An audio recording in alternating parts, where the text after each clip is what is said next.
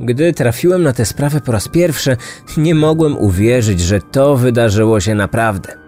Mowa o historii sprzed 90 lat, kiedy w parku rozrywki wielki rekin zwymiotował ludzkie ramię.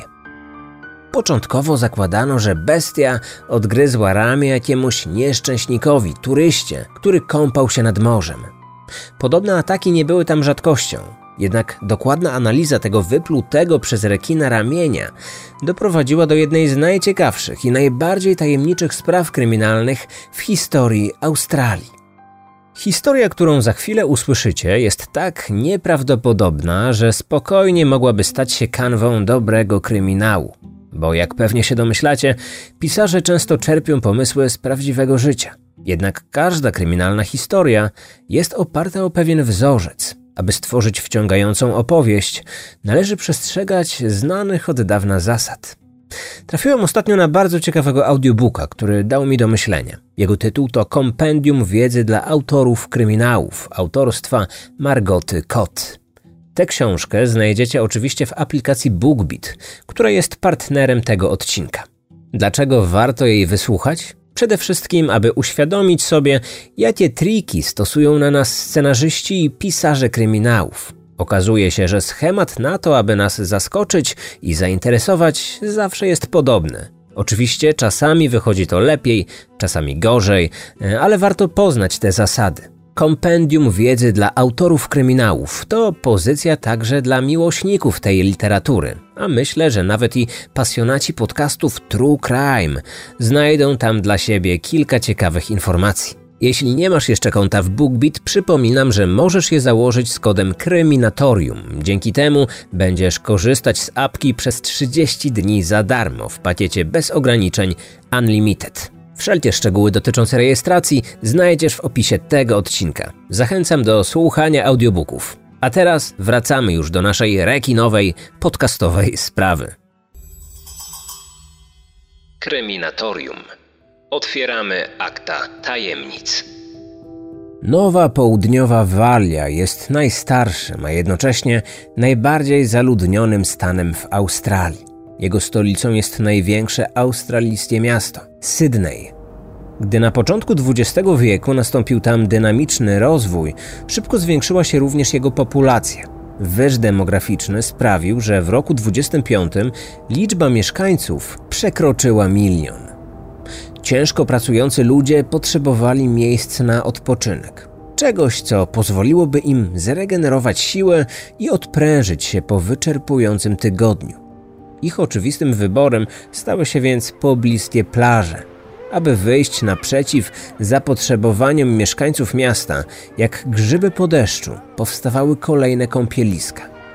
Wielką popularnością cieszyła się zlokalizowana na przedmieściach plaża Coogee, głównie z powodu wybudowanego w jej pobliżu parku rozrywki. Miał tor jazdy na wrotkach, plac zabaw dla dzieci oraz całkiem duży kryty basen – Popularność plaż sprawiła, że coraz więcej ludzi decydowało się na pływanie w oceanie.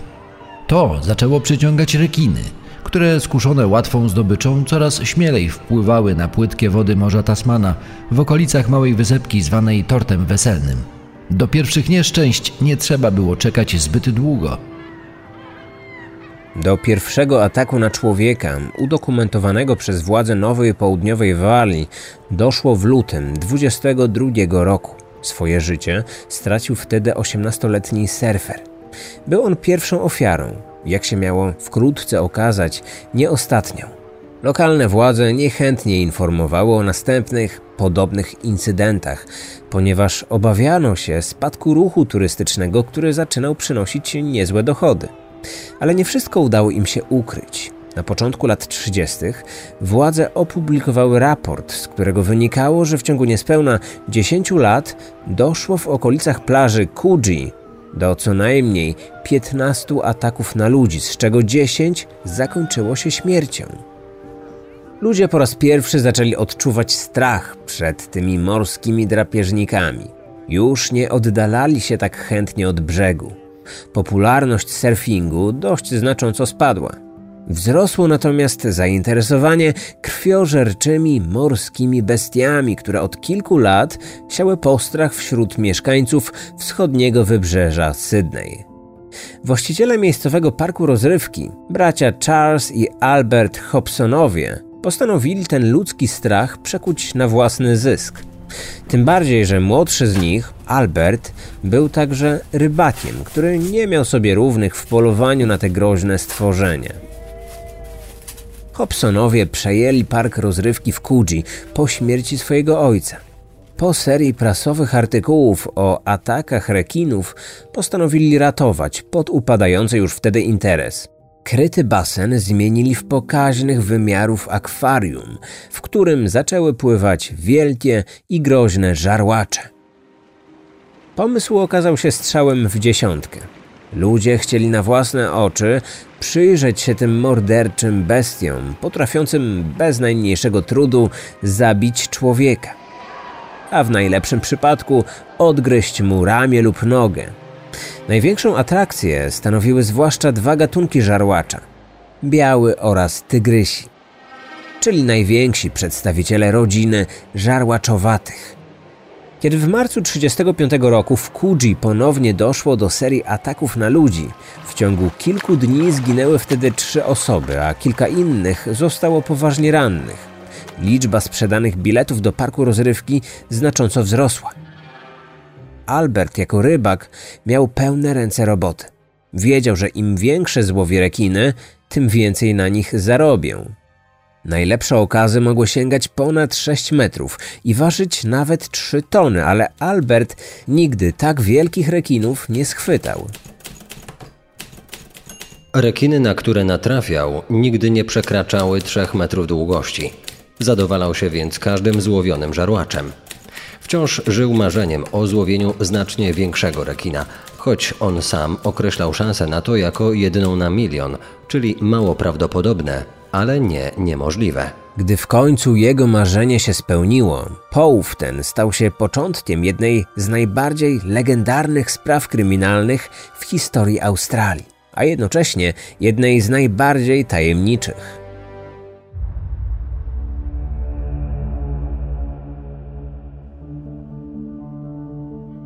A wszystko zaczęło się we wtorek, 17 kwietnia 1935 roku. Dzień wcześniej padł kolejny rekin z parku rozrywki. Turystyczną atrakcję trzeba było szybko zastąpić nowym okazem.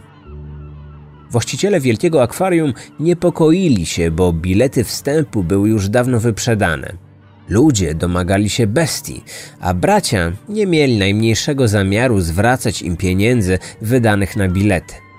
Na połów Albert zabrał ze sobą syna, nastoletniego Rona.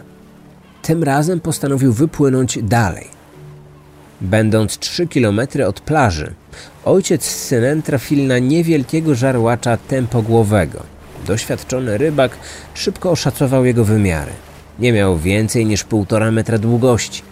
Jego waga z pewnością nie przekraczała 100 kg. Mało. Jak się nie ma co się lubi, to się lubi co się ma.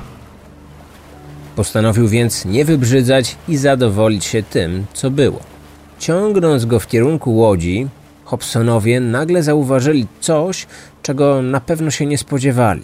Do zaczepionego na haczyk małego rekina podpłynął inny, znacznie większy i połknął go w całości, jednocześnie sam stając się schwytanym okazem. Pobieżne szacunki Alberta nie pozostawiały wątpliwości. Żarłacz tygrysi miał ponad 4 metry i blisko tonę wagi. Nigdy wcześniej nie złowił tak ogromnego okazu. Po wciągnięciu tej bestii na łódź, rybak nie miał wątpliwości. Jego największe marzenie właśnie się spełniło. Właściciele parku rozrywki byli w siódmym niebie. Jeszcze nie mieli u siebie tak wielkiego rekina. W myślach już przeliczali te wszystkie szeleszczące dolary, które niewątpliwie na nim zarobi. Postanowili się jednak wstrzymać z jego prezentacją o tydzień. W środę 25 kwietnia wypadało święto państwowe upamiętniające poległych żołnierzy australijskich i nowozelandzkich. Dzień wolny od pracy, więc Hobsonowie spodziewali się prawdziwego najazdu turystów chcących na własne oczy ujrzeć ogromnego rekina tygrysiego. nie pomylili się. Już od samego rana całe rodziny ustawiały się w niekończących się kolejkach. Wszystko szło zgodnie z planem. Widzowie byli zadowoleni, a kasy pełne. I nagle, około 16.30, coś dziwnego zaczęło się dziać z dość żwawym i pełnym życia rekinem. W pewnej chwili zaczął pływać coraz wolniej i coraz bliżej dna basenu.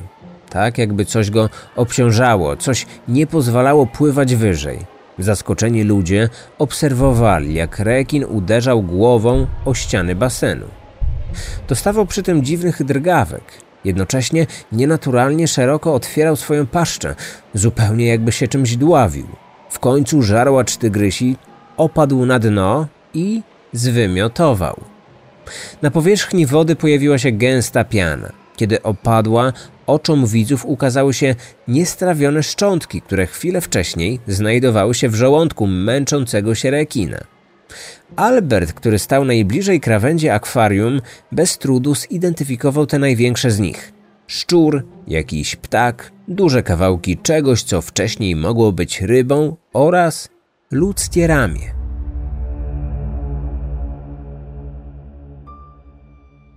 Początkowo nikogo nie zdziwił ten makabryczny widok. Przecież rekiny od dawna mocno pracowały na swoją reputację ludojadów. Pomyślano więc, że zwymiotowane ramię było po prostu kolejnym przykładem nieszczęśliwego spotkania jakiegoś człowieka z rekinem. Jednak mimo to właściciele postanowili powiadomić o tym incydencie miejscową policję. Funkcjonariusze po przybyciu na miejsce wyłowili z wody ludzką kończynę. Oni także skłaniali się do wersji zakładającej, że rekin odgryzł ramię jakiemuś nieszczęśnikowi. Jednak po tym, jak zauważyli, że na nadgarstku wciąż zawiązany był kawałek sznurka, tak jakby właściciel ramienia miał przed śmiercią skrępowane ręce, zaczęli mieć poważne wątpliwości. Postanowili przekazać znalezisko koronerowi do zbadania. Jego raport zaskoczył wszystkich. Okazało się, że ramię nie zostało odgryzione, ale precyzyjnie odcięte piłą a to wskazywało na działanie człowieka. Dlatego szybko stało się jasne, że o nieszczęśliwym wypadku nie mogło być mowy. Zanim żarłacz połknął ludzkie ramię, wcześniej musiało dojść do zabójstwa, a sprawca pozostawał na wolności. Aby go wytropić i schwytać, policjanci musieli najpierw zidentyfikować jego ofiarę. Okazało się to łatwiejsze niż początkowo sądzono. Na wydobytej z wody kończynie znajdował się bardzo charakterystyczny tatuaż. Jego wykonanie było dość amatorskie, żeby nie powiedzieć prymitywne. Przedstawiał dwóch walczących ze sobą bokserów, stojących naprzeciw siebie z wyciągniętymi pięściami, gotowymi do zadania ciosów. Postanowiliśmy upublicznić ten tatuaż w gazetach, licząc na to, że ktoś go rozpozna i zdradzi nam tożsamość jego posiadacza. Następnego dnia zdjęcie tatuażu wraz z jego opisem opublikowały wszystkie dzienniki w Sydney. Jeden z czytelników od razu rozpoznał dwóch niezdarnie wytatuowanych bokserów. Od razu skontaktował się z policją. Stwierdził, że dokładnie taki sam tatuaż miał jego starszy brat, zaginiony kilka tygodni wcześniej 45-letni James Smith. Śledczy postanowili dokładnie sprawdzić ten trop. Na podstawie odcisków palców, pobranych z dość dobrze zachowanego ramienia, udało im się potwierdzić, że brat zaginionego mówił prawdę. Po rozwiązaniu jednej zagadki, na jej miejscu pojawiły się kolejne. Kim był James i dlaczego nikt nigdy nie zgłosił jego zaginięcia? Czy rzeczywiście został zamordowany? A jeśli tak, to dlaczego? I kto był zabójcą? Aby się tego dowiedzieć, detektywi postanowili zebrać jak najwięcej informacji związanych z historią życia tego tajemniczego mężczyzny z nieudolnie wykonanym tatuażem. Policjanci zabrali z jego domu wszystkie rzeczy osobiste. Mieli nadzieję, że powiedzą one o ich właścicielu coś więcej. Następnie przesłuchano jego żonę oraz pozostałych członków rodziny. Kilka dni później śledczy mieli już dość szczegółowy obraz człowieka, którego ramię zwymiotował żarłacz tygrysi. Urodził się w Anglii, ale w chwili swojej śmierci mieszkał na przedmieściach Sydney. W młodości był dobrze zapowiadającym się bokserem wagi lekkiej. Ciężko trenował, wygrywał wszystkie swoje walki, a jego trenerzy wróżyli mu wielki sukces. Na drodze do kariery stanęła jednak jego matka, która była przeciwniczką boksu. Bojąc się o zdrowie syna, namówiła go do porzucenia tego sportu. Zatrudnił się na budowie, ale w tej branży nie mógł zarobić zbyt wiele. Dlatego często podejmował jakieś dorywcze prace. Bokserski ring zamienił na stół bilardowy. Był na tyle dobry, że wpadł w oko lokalnemu przestępcy zajmującemu się nielegalnym hazardem. Reginald Holmes zaproponował mu pracę. Na początek miał przegrywać obstawione wcześniej pojedynki. James zgodził się podkładać, a jego nowy szef zarobił na nim spore pieniądze. Wkrótce zaproponował mu także inne, dobrze płatne zajęcia. W taki sposób James Smith zszedł na przestępczą drogę. Fałszował czeki, wyłudzał odszkodowania z firm ubezpieczeniowych, wymuszał haracze, przemycał narkotyki. Niedługo później do Holmesa i Smitha dołączył trzeci, Patrick Brady. Mówił wszystkim, że zarabia na życie strzyżeniem owiec. Jednak policja wiedziała, że w rzeczywistości był fałszerzem i złodziejem. Na tyle dobrym, że nigdy nie udało się mu postawić żadnych zarzutów. Najpierw trio dogadywało się świetnie, ale na początku kwietnia 1935 roku mężczyźni pokłócili się.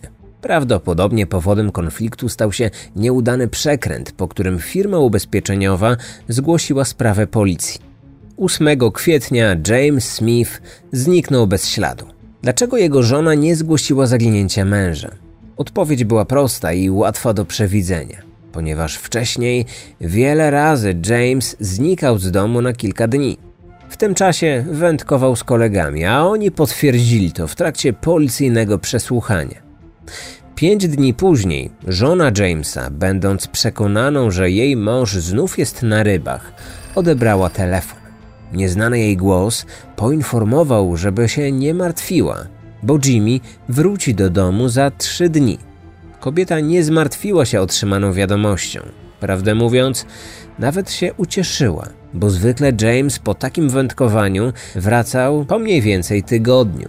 Śledztwo doprowadziło detektywów do jednego z klubów bilardowych. Tam James widziany był żywy po raz ostatni.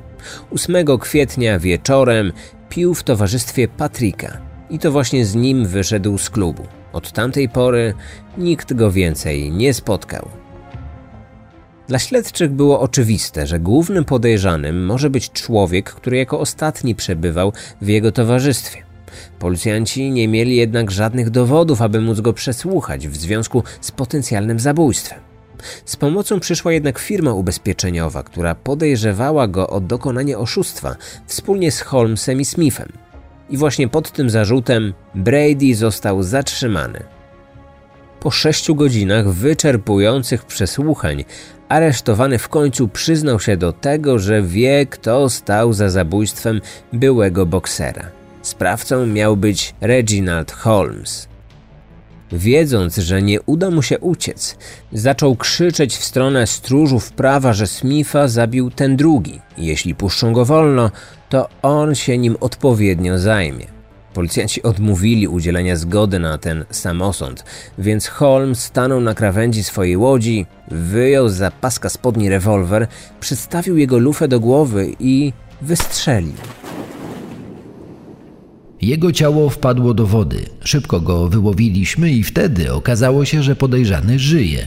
Jakimś dziwnym trafem kula nie przebiła czaszki, a jedynie obtarła jego czoło. Natychmiast przewieźliśmy go najpierw do szpitala, a następnie na posterunek policji. Podczas przesłuchania opowiedział nam zupełnie inną wersję wydarzeń. Zdaniem Reginalda to Patrick Brady zabił Jamesa w nocy 8 kwietnia. Jego ciało zabrał do domu, gdzie je poćwiartował. Większość kawałków wrzucił do oceanu, ale jeden, odcięte ramię z tatuażem, zachował dla siebie. I to właśnie z tą kończyną zjawił się dzień później w domu Holmesa. Rzucając mu ją na stół w salonie, zapowiedział, że jeśli Holmes mu nie zapłaci, spotka go taki sam los. Po wyjściu szantażysty, Reginald wpadł w panikę. Zabrał odcięte ramię na swoją łódź. Wypłynął kilka kilometrów za wyspę tortu weselnego i tam wrzucił rękę do wody. Oczywiście nie był tego świadkiem, ale domyślał się, że niedługo później wyrzucone przez niego ramię zostało połknięte przez rekina, który zwymiotował je ponad dwa tygodnie później. Początkowo ta wersja wydarzeń wydała się detektywom zbyt naciągana. Jakim cudem ramię przez tak długi czas mogło pozostać niestrawione w żołądku tej drapieżnej ryby? Ich wątpliwości szybko rozwiał jeden z ówczesnych członków australijskich ekspertów od rekinów, dr Gilbert Whitley, ichtiolog z Królewskiego Towarzystwa Zoologicznego z Nowej Południowej Walii. Żarłacze tygrysie mają bardzo powolny metabolizm. Trawią strategicznie i długoterminowo, co pozwala im magazynować w żołądku wchłonięty pokarm. Połknięte przez niego ludzkie ramię mogło znajdować się w jego żołądku nawet 18 dni, zanim zaczęłoby być trawione. Istnieje też możliwość, że ramię znajdowało się wewnątrz mniejszego rekina, zanim zjadł go ten większy. Po wypowiedzi eksperta śledczy uznali, że zeznanie złożone przez Holmesa mogło mieć sens. Tym bardziej, że jeden z taksówkarzy opowiedział policji o dziwnym zachowaniu Brady'ego w nocy 8 kwietnia, kiedy miało dojść do zabójstwa Smitha. Brady, wsiadając do taksówki, zachowywał się bardzo nerwowo. Kazał się zawieźć do centrum Sydney.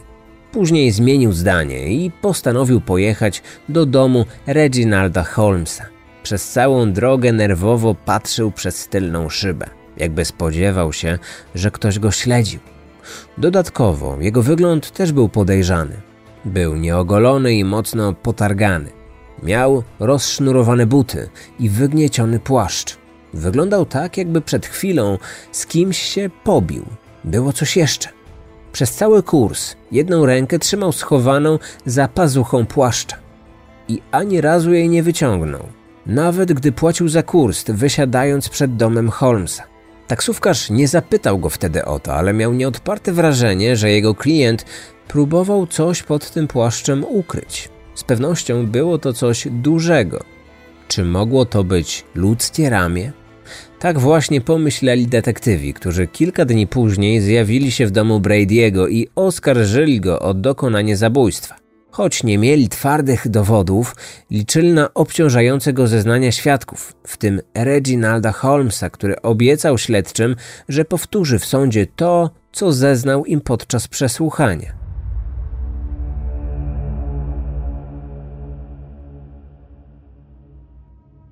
Początek procesu wyznaczono na 12 czerwca. I właśnie tego dnia, jako pierwszy świadek, miał zeznawać Reginald Holmes. Pojawił się jednak problem, bo on nie pojawił się w sądzie. Sędzia zgodził się przełożyć to wystąpienie o jeden dzień i szukali go wszyscy rodzina, znajomi i przede wszystkim policja. Bez jego zeznań szansa na udowodnienie winy mocno spadała, może nawet do zera, czego bardzo obawiała się prokuratura.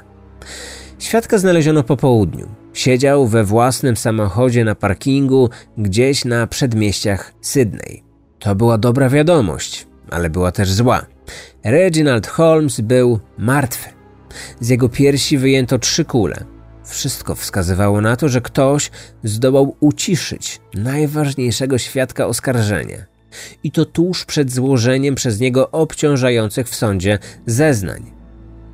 Pierwsze oskarżenie padło oczywiście na Patricka Brady'ego. Choć on sam przebywał w areszcie, no to mógł przecież komuś takie zabójstwo zlecić.